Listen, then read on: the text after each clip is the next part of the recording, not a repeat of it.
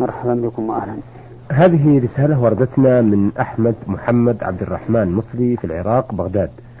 آه، يقول في رسالته أرجو توضيح هذه الأسئلة والرد عليها وفقكم الله.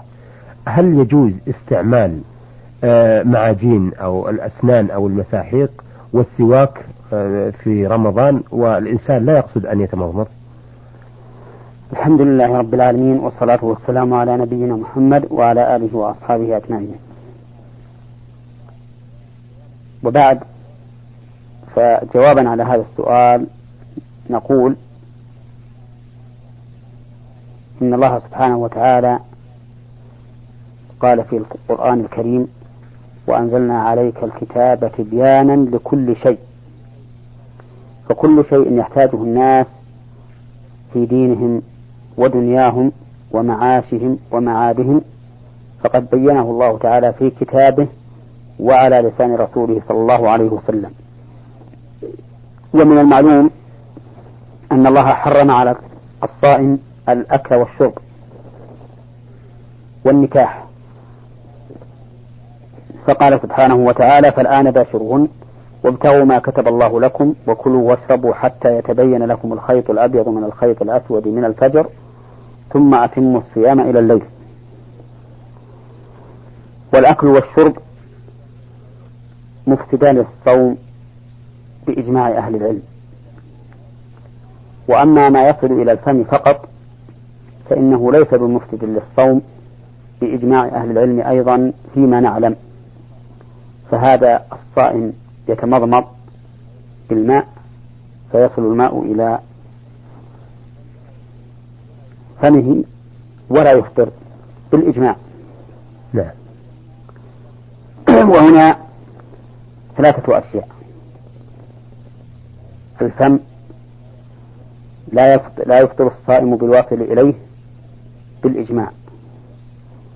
والمعدة يفطر الصائم بما وصل إليها بالإجماع فيما نعلم.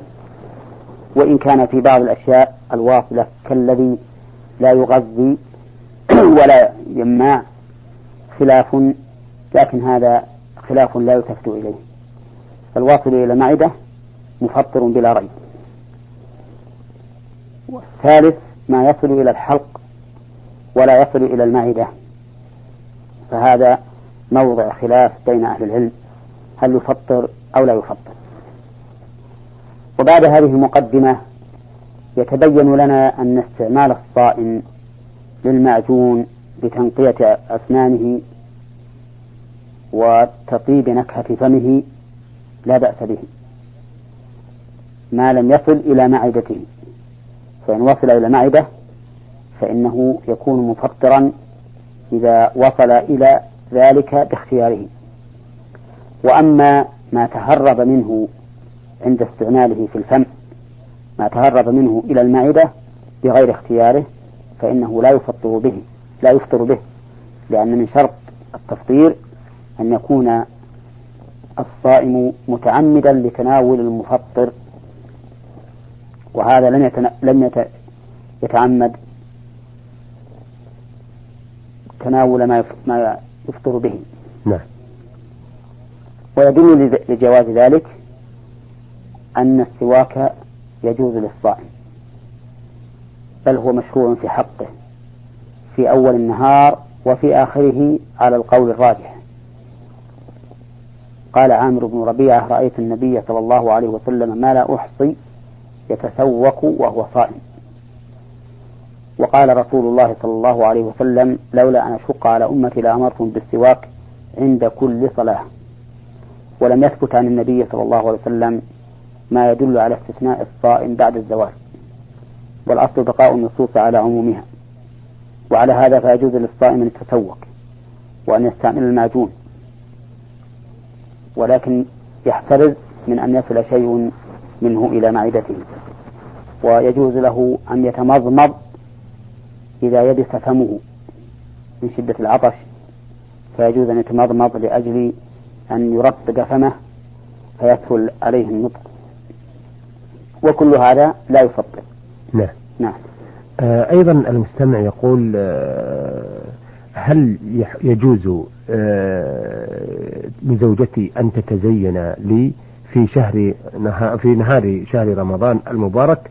وهل يحق لي أيضا أن أقبلها إذا أردت ذلك؟ أما تقبيل الرجل زوجته في حال الصيام فلا بأس به. ما لم يعرف من نفسه أنه أن ينزل. ما لم يعرف من نفسه أنه ينزل بالتقبيل.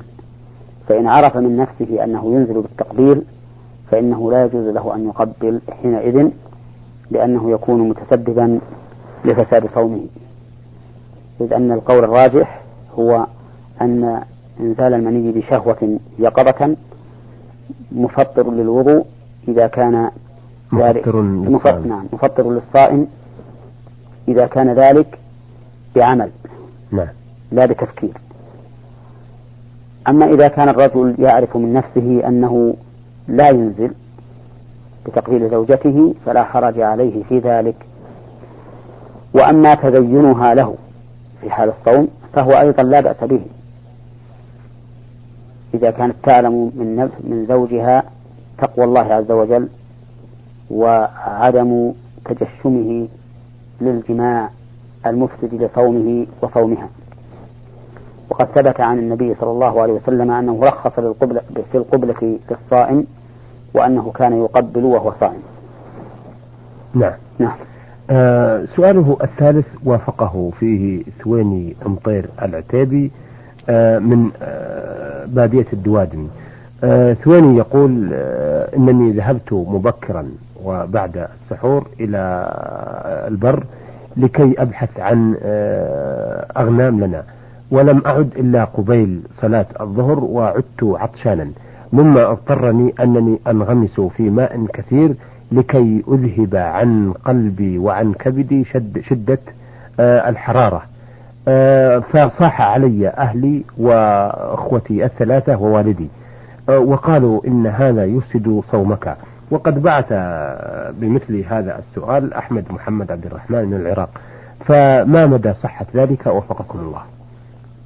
لا صحة لذلك فالصائم يجوز له أن ينغمس في الماء ويجوز له أن ينام عند المكيف ويجوز له أن يبل ثيابه ويرش بدنه من أجل الحر.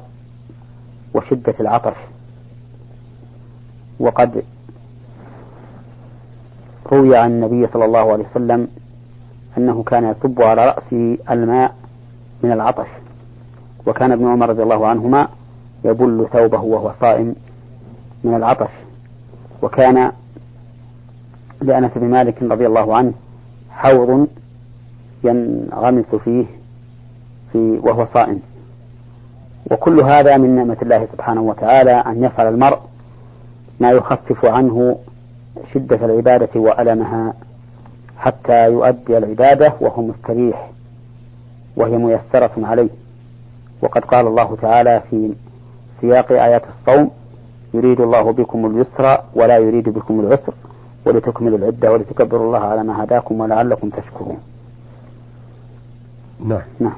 السائل أحمد يقول أيضا آه هل يجوز آه أن يكتحل الإنسان أو أن يقطر في عينه أو أن يقطر أيضا أيضا في أذنه إذا كانت تؤلمه؟ آه وما الحكم لو وجد طعام ذلك في حلقه؟ نرجو الإجابة وفقكم الله. يقول نعم يجوز للصائم أن يكتحل ويجوز أن يقطر في عينه. ويجوز أن يقطر في أذنه.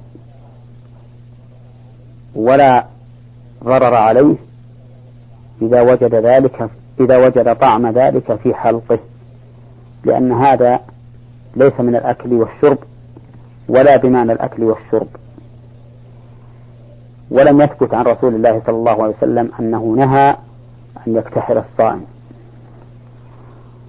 وأما الأنف فإنه لا يقدر فيه شيئا. لأن الأنف منفذ إلى المعدة ولهذا قال النبي صلى الله عليه وسلم في حديث لقيط بن صبرة قال بالغ في الاستنشاق إلا أن تكون صائما. ولكن لو استنشق الإنسان وهو صائم ثم تهرب الماء إلى معدته فإنه لا يفطر بذلك لأنه بغير اختيار. نعم. ومثله ما يقع لكثير من الناس حينما يشفطون البنزين من اللي أو نحوه فيتهرب ذلك إلى بطونهم فإنه لا يضرهم لأن ذلك بغير اختيار منهم. نعم. نعم. آه أيضا له سؤال حول رمضان يقول هل يجوز للصائم المريض أن يأخذ الحقن المغذية في الوريد أو في العضل. وفقكم الله. الإبر المغذية التي يستغنى بها عن الأكل والشرب. هذه لا يجوز للمريض أن يتناولها.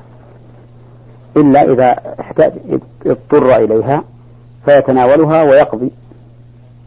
وذلك لأن الإبر المغذية التي تقوم مقام الأكل والشرب وتغني عنهما هي في الحقيقة بمعنى الأكل والشرب.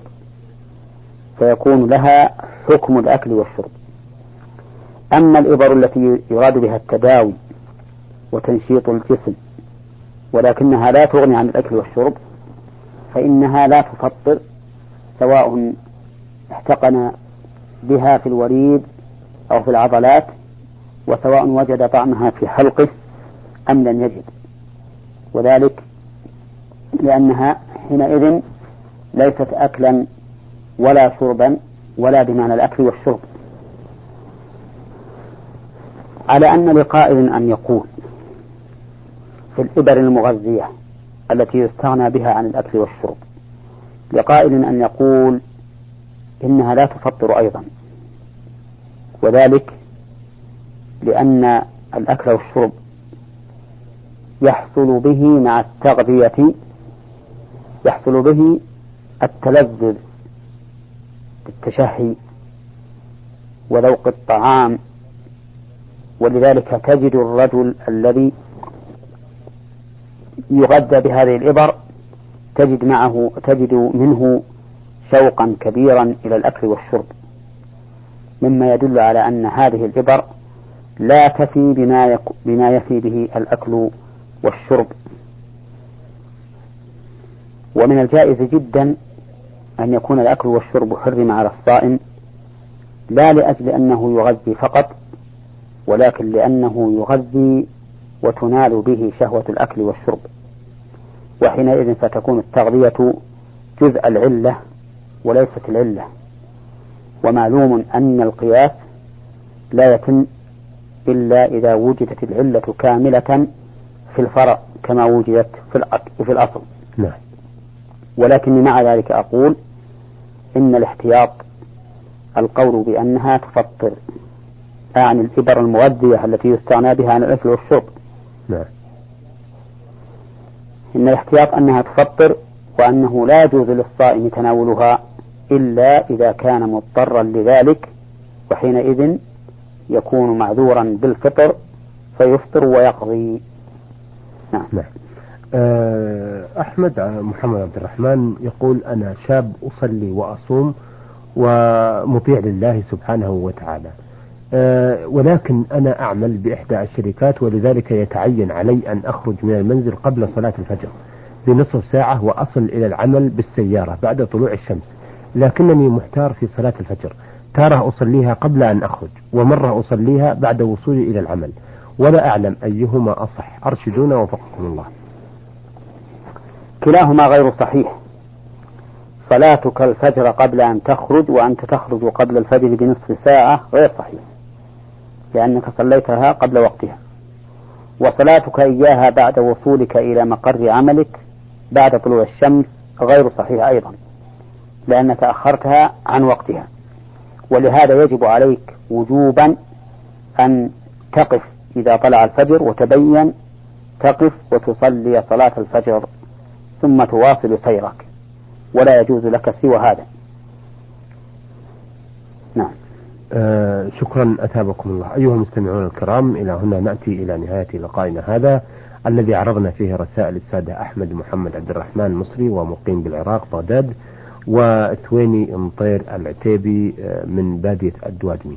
آه، عرضنا رسالتيهما على الشيخ محمد بن صالح اليمين الأستاذ بجامعة الإمام محمد بن سعود الإسلامية في القصيم وإمام وخطيب الجامع الكبير بمدينة عنيزة. شكرا للشيخ محمد وشكرا لكم أيها الأخوة. وإلى أن نلتقي بحضراتكم نستودعكم الله. والسلام عليكم ورحمة الله وبركاته. نور على الدرب. برنامج يومي يجيب فيه أصحاب الفضيلة العلماء على أسئلة المستمعين الدينية والاجتماعية. البرنامج من تقديم وتنفيذ سليمان محمد الشبانة.